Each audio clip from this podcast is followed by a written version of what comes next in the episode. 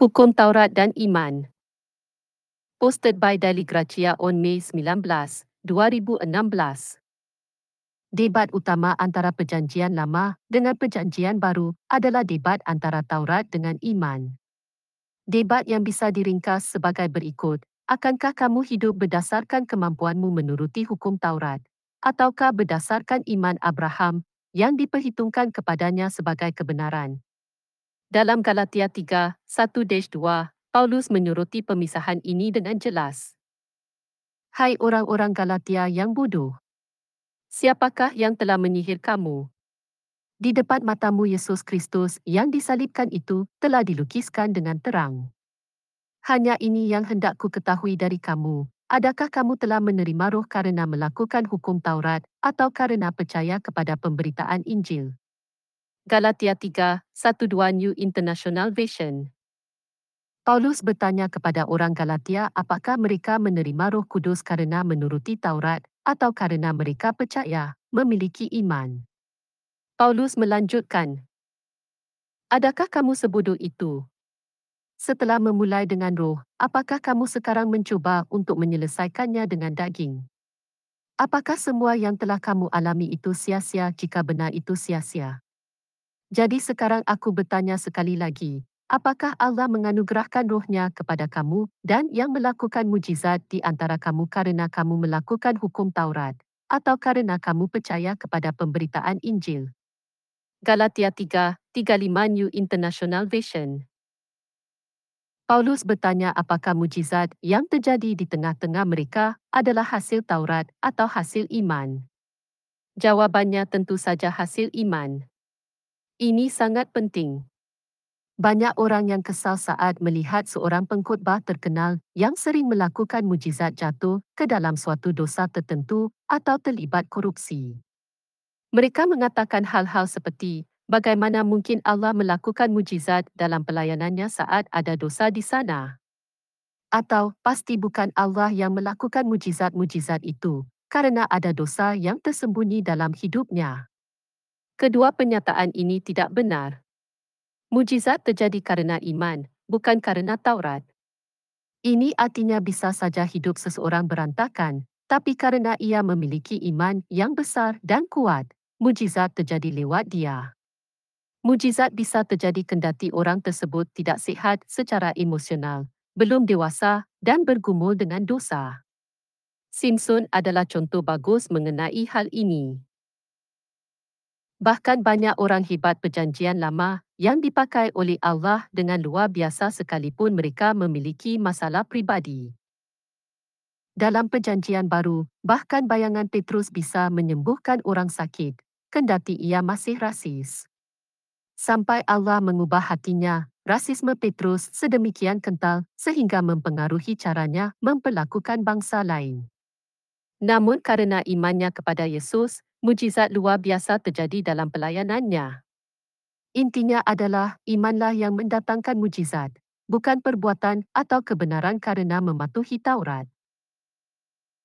Banyak orang percaya yang memiliki persepsi keliru bahawa mujizat adalah tanda derajat kebenaran seseorang dan saat mereka melihat mujizat terjadi lewat seseorang, mereka berasumsi bahawa orang tersebut pasti seorang Kristen luar biasa dengan karakter tak tercela. Kebenarannya adalah mujizat terjadi atas siapapun yang percaya, siapapun yang punya iman. Dalam Galatia 3, 6-7, Paulus melanjutkan dengan berbicara mengenai Abraham, bapa iman. Secara itu jugalah Abraham percaya kepada Allah, maka Allah memperhitungkan hal itu kepadanya sebagai kebenaran. Jadi kamu lihat bahawa mereka yang hidup dari iman, mereka skim anak-anak Abraham. Dengan kata lain, Abraham menjadi orang benar karena memiliki iman, bukan karena melakukan Taurat yang belum ada pada zamannya.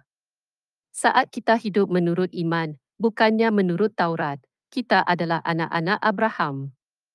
Berlanjut pada ayat 8, kitab suci telah mengetahui bahawa Allah membenarkan orang-orang bukan Yahudi karena iman dan telah terlebih dahulu memberitakan Injil kepada Abraham, olehmu segala bangsa akan diberkati. Segala bangsa tidak diberkati lewat Taurat, tetapi lewat iman Abraham. Sebagai hasil iman, mereka yang hidup dari iman diberkati bersama-sama dengan Abraham. Bapa orang beriman itu Galatia 3, 9. Jika kita memiliki iman kita diberkati seperti Abraham diberkati, bukan karena perbuatan kita, tetapi karena iman kita. Sebaliknya, Taurat mendatangkan kutuk. Karena semua orang yang hidup dari pekerjaan hukum Taurat berada di bawah kutuk. Sebab ada tertulis, terkutuklah orang yang tidak setia melakukan segala sesuatu yang tertulis dalam kitab hukum Taurat, Galatia pukul 3.10.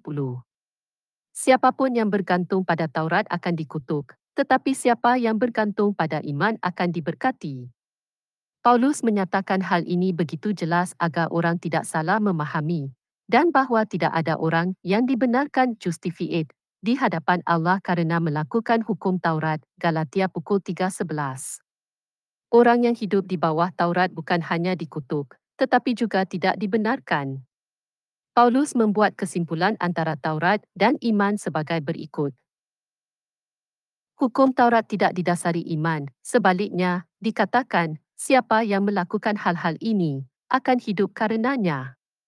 Kristus telah menebus kita dari kutuk hukum Taurat dengan jalan menjadi kutuk karena kita, sebab ada tertulis, terkutuklah orang yang digantung pada kayu salib. Yesus Kristus telah menebus kita supaya berkat yang diberikan kepada Abraham bisa sampai kepada bangsa-bangsa lain melalui Yesus Kristus, sehingga oleh iman kita menerima janji roh.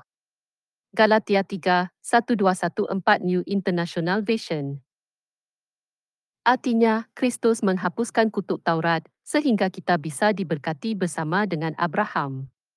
Yesus tidak hanya membenarkan kita, dia juga memberikan berkat kepada kita. Dengan menghapuskan kutuk Taurat Musa, Yesus membuka pintu bagi kita sehingga dapat mewarisi berkat iman Abraham. Berkat yang kita terima adalah berkat Abraham, yaitu untuk memberkati bangsa lain di dunia, bukan berkat berdasarkan ketaatan melakukan Taurat. Berkat yang tercatat dalam ulangan 28 terbatas kepada mereka yang bersunat dan menuruti Taurat dalam pasal covenan. Yesus tidak menawarkan berkat yang kecil mungil kepada kita. Dia menghapus kutuk yang bergantung di atas perintah harus taat dan membuka pintu berkat lewat iman.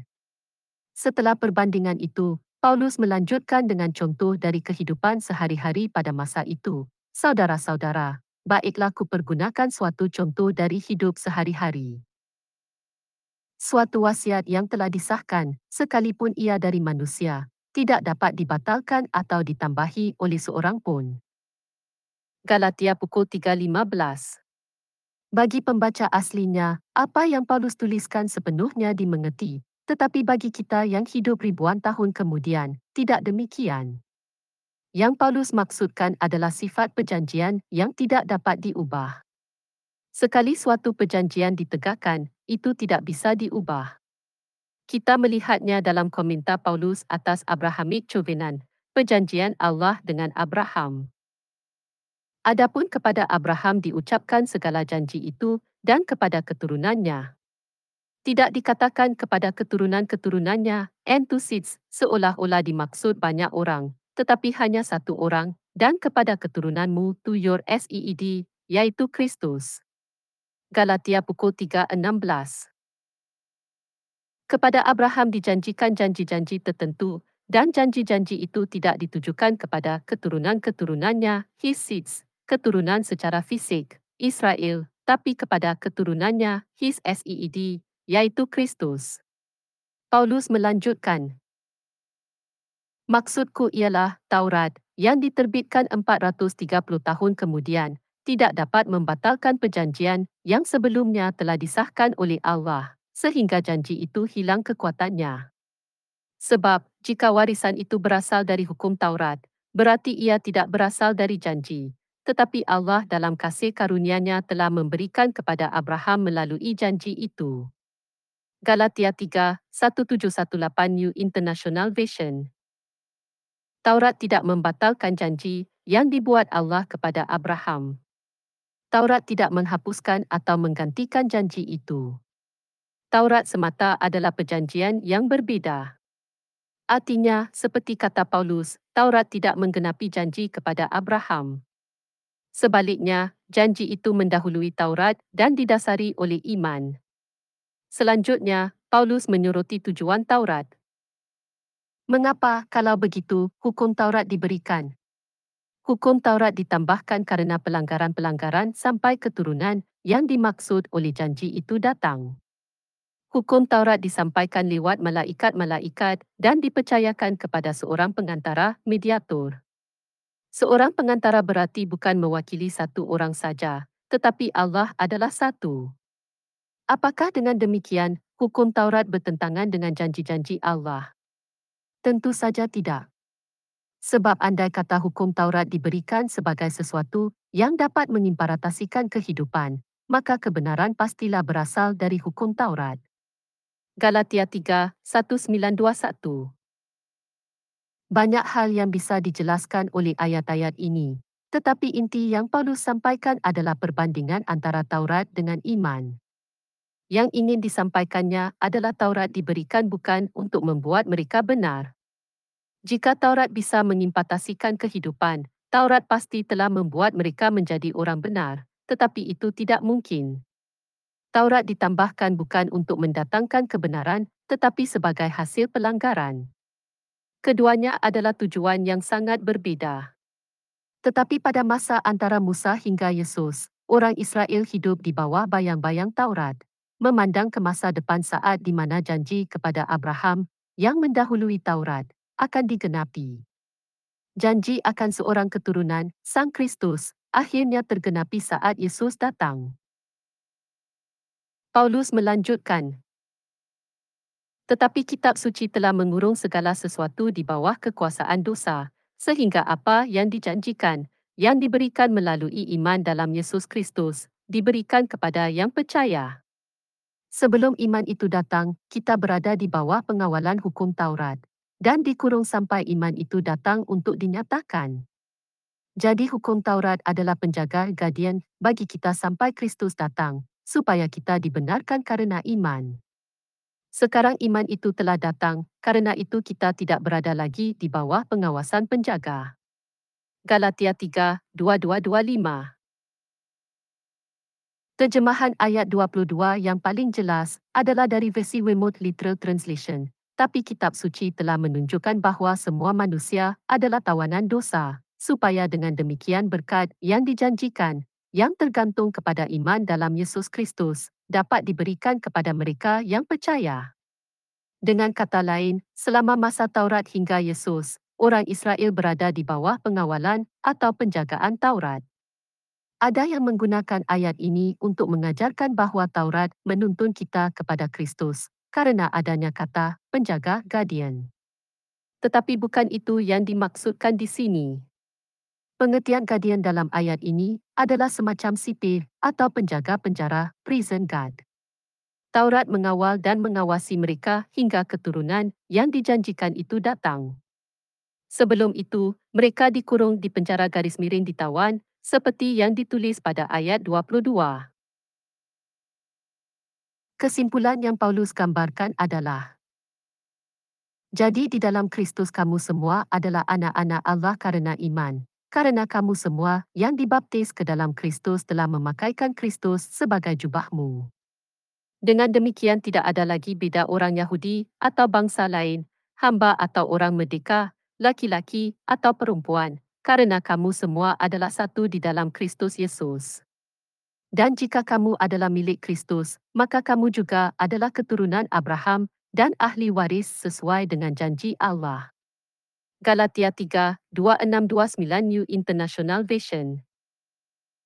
Jadi siapa yang adalah milik Kristus, yang adalah keturunan Abraham, adalah juga keturunan Abraham, yang membuatnya menjadi ahli waris sesuai dengan janji.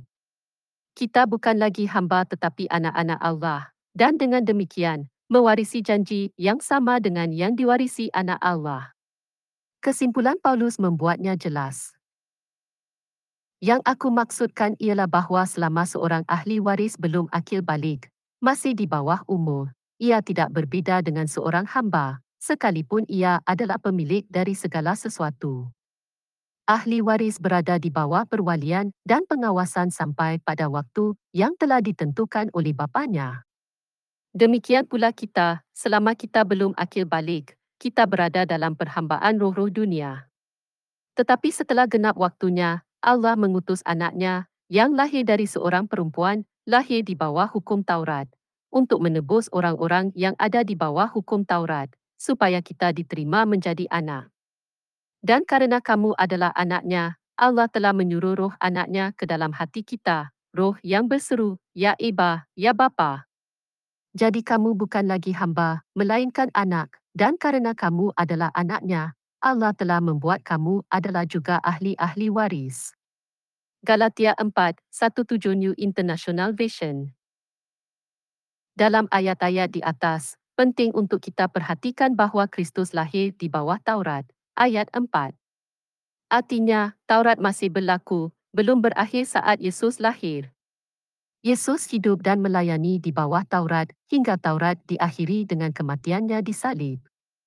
Lewat salib, Yesus memerdekakan orang Israel dari Taurat. Ia memindahkan mereka dari sistem perjanjian lama Musa. Paulus memberitahu mereka, kamu bukan lagi hamba, tetapi anak-anak Allah yang kini dapat mewarisi janji-janji milik Abraham. Lewat cara ini, Yesus datang dan memerdekakan kamu dari Taurat sehingga sekarang kamu bisa hidup dan dibenarkan seperti Abraham, yaitu oleh iman. Paulus menuliskan perbandingan yang sama antara Taurat dan iman dalam Roma 4. Banyak orang yang mengalami kesulitan menerima hal ini karena Yakobus 2, yang hampir membuat gereja mula-mula mengeluarkan kitab Yakobus dari kanun. Mereka melihat Yakobus 2 bertentangan dengan Galatia 3-4 dan Roma 4. Karena alasan ini, kita perlu membahas perikop ini sebelum menyudahi diskusi kita mengenai perdebatan antara Taurat dan iman. Demikian Yakobus 2. Apakah gunanya, saudara-saudaraku, jika seorang mengatakan bahawa ia mempunyai iman, padahal ia tidak mempunyai perbuatan? dapatkah iman itu menyelamatkan dia? Jika seorang saudara atau saudari tidak mempunyai pakaian dan kekurangan makanan sehari-hari, dan seorang dari antara kamu berkata, Selamat jalan, kenakanlah kain panas dan makanlah sampai kenyang tetapi ia tidak memberikan kepadanya apa yang perlu bagi tubuhnya, apakah gunanya itu? Demikian juga halnya dengan iman, jika iman itu tidak disertai perbuatan, maka iman itu pada hakikatnya adalah mati. Tetapi mungkin ada orang berkata, padamu ada iman dan padaku ada perbuatan. Aku akan menjawab dia, tunjukkanlah kepadaku imanmu itu tanpa perbuatan, dan aku akan menunjukkan kepadamu imanku dari perbuatan-perbuatanku. Engkau percaya bahawa hanya ada satu Allah saja. Itu baik. Tetapi setan-setan pun juga percaya akan hal itu dan mereka gemitar. Hai manusia yang bebal, maukah engkau mengakui sekarang bahawa iman tanpa perbuatan adalah iman yang kosong? Bukankah Abraham, bapa kita, dibenarkan karena perbuatan-perbuatannya ketika ia memperolehi Ishak, anaknya, di atas misbah? Kamu lihat bahawa iman bekerjasama dengan perbuatan-perbuatan dan oleh perbuatan-perbuatan itu iman menjadi sempurna. Dengan jalan demikian genaplah Nas yang mengatakan, lalu percayalah Abraham kepada Allah, maka Allah memperhitungkan hal itu kepadanya sebagai kebenaran. Karena itu Abraham disebut sahabat Allah. Jadi kamu lihat bahawa manusia dibenarkan karena perbuatan-perbuatannya dan bukan hanya karena iman. Dan bukankah demikian juga Rahab, pelacur itu, dibenarkan karena perbuatan-perbuatannya ketika ia menyembunyikan orang-orang yang disuruh itu di dalam rumahnya, lalu menolong mereka lulus melalui jalan yang lain. Sebab seperti tubuh tanpa roh adalah mati, demikian jugalah iman tanpa perbuatan-perbuatan adalah mati. Yakobus 2, 1-4-2-6 Pernyataan Yakobus bahawa manusia dibenarkan karena perbuatan-perbuatannya dan bukan hanya karena iman, telah mengganggu banyak orang lainnya menerima yang membuat debat Taurat, perbuatan vs iman berlanjut. Hari ini, fokus debat telah bergeser pada debat antara perbuatan vs kasih karunia. Orang-orang yang berada pada sisi kasih karunia mengatakan perbuatan-perbuatan baik kekristenan tidak perlu, kerana Injil adalah tentang kasih karunia dan apa yang telah kita terima dalam Kristus. Tetapi sebenarnya, Injil tidaklah semata-mata kasih karunia. Kasih karunia adalah bagian dari Injil, kerana kasih karunia adalah kuasa Allah yang memberi kuasa dan memberdayakan yang datang bersama Injil. Pesan Injil adalah pesan perjanjian baru, di mana kasih karunia adalah bagiannya.